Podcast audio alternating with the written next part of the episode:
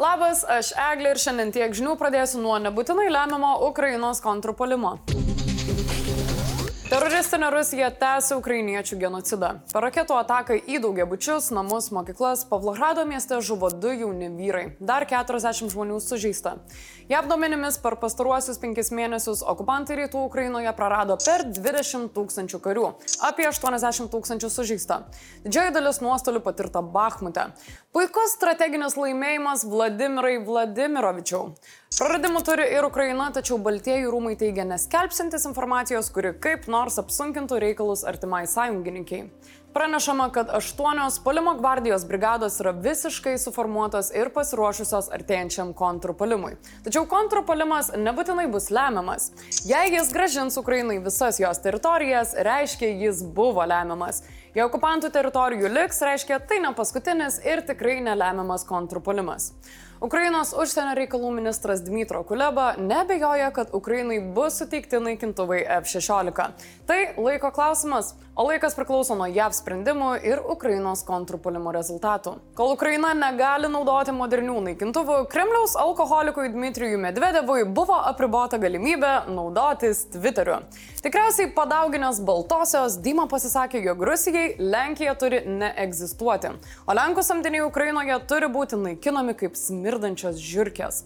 Man keista, jog Medvedevas apskritai naudojasi Twitteriu, nes šį socialinį tinklą ir toliau blokuoja Rusijos ryšių reguliavimo tarnyba. Panašu, kad šio žmogaus nei užblokuosi, nei užkoduosi.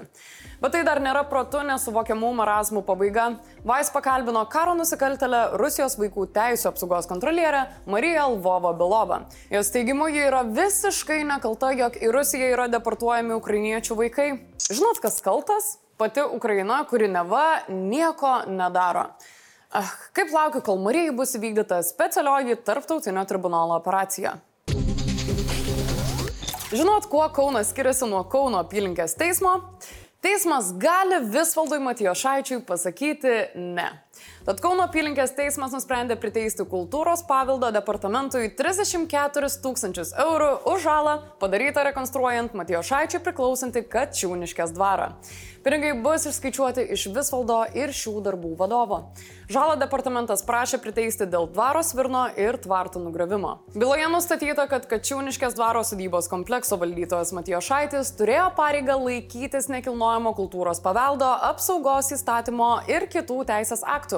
Gerai, kai teismas yra gali priminti Visvaldui, kad įstatymai galioja ir jam. Nuo statybos darbų vadovas, pasak teismo, turėjo žinoti, kur registruoti kultūros paveldo apsaugos duomenis.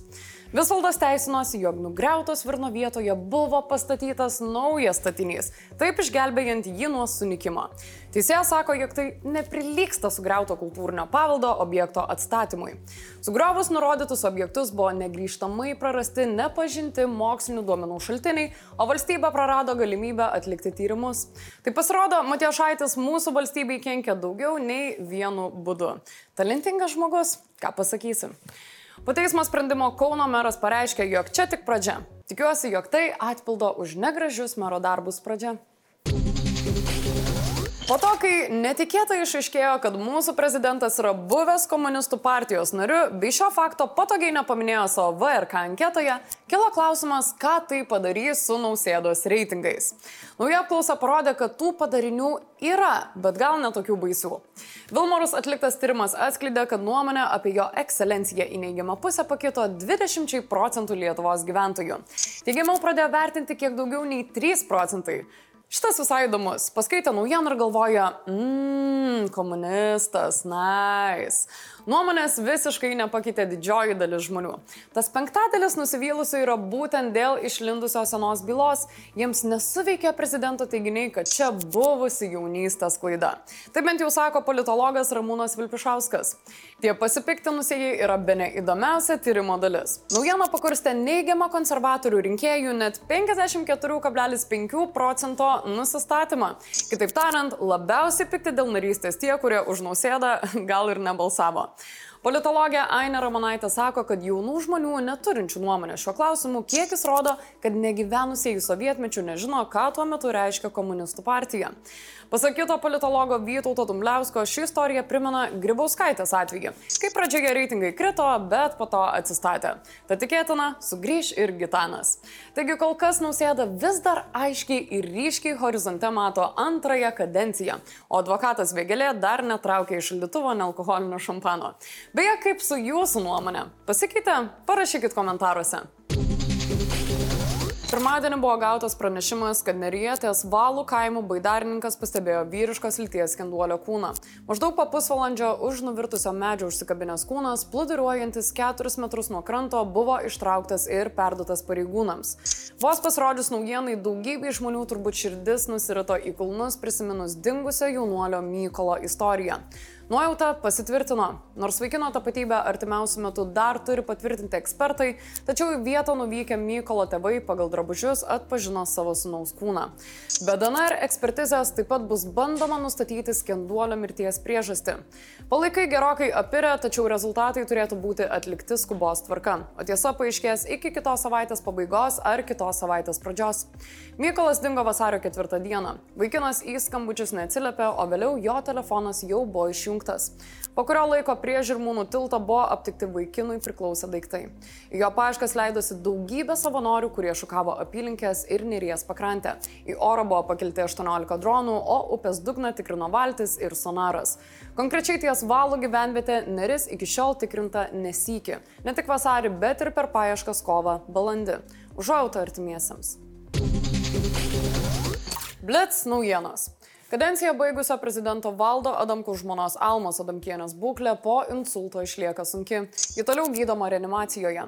Adamkieniai buvo pašalintas trombas iš vienos magistralinių smegenų kraujagyslių. Prognozuoti atsistatymo eigą sunku, o lemiamas faktorius - laikas. Po legioneliozės protrukio Kaune ligoninėse gydoma 12 žmonių. Kol kas nėra nustatytas šio protrukio žydinys. Legioneliozė - plaučių uždegimo rušis, kurią sukelia legionela bakterijos. Maždaug vienas iš dešimties susirgusių šią lygą miršta. Junktinės tautos pranešė, kad daugiau nei 100 tūkstančių žmonių pabėgo iš Sudano nuo balandžio 15 dienos, kai tarp Sudano kariuomenės ir sukarintų pajėgų prasidėjo intensyvios kovos. Pranešama apie galimą visišką katastrofą, jei kovas nesibaigs. Baigiantis 22 metų pajamų deklaravimui, tai padarė daugiau nei 1,4 milijono gyventojų. Vis dėlto iš privalančiųjų tai padaryti deklaracijas patikė apie 70 procentų žmonių. Jeigu šias antroji yra paskutinė diena deklaruoti pajamas, tad jei to nepadarėte, dar turite kelias valandas. Primenu, kad man komentaruose parašytumėt, kaip jūs balsuotumėte apklausoje apie nausėdą. Nuo per didelis Instagram naudojimas ir selfie kelimas žaloja jūsų augintinius. Pažiūrėkite šį influencerio šuniuką, nežinia, ar jam pavyks pagyti.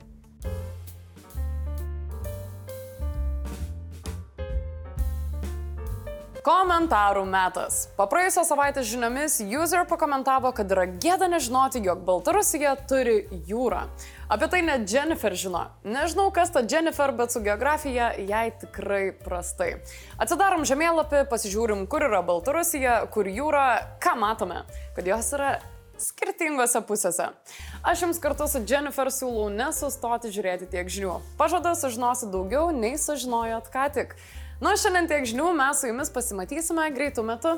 Ciao!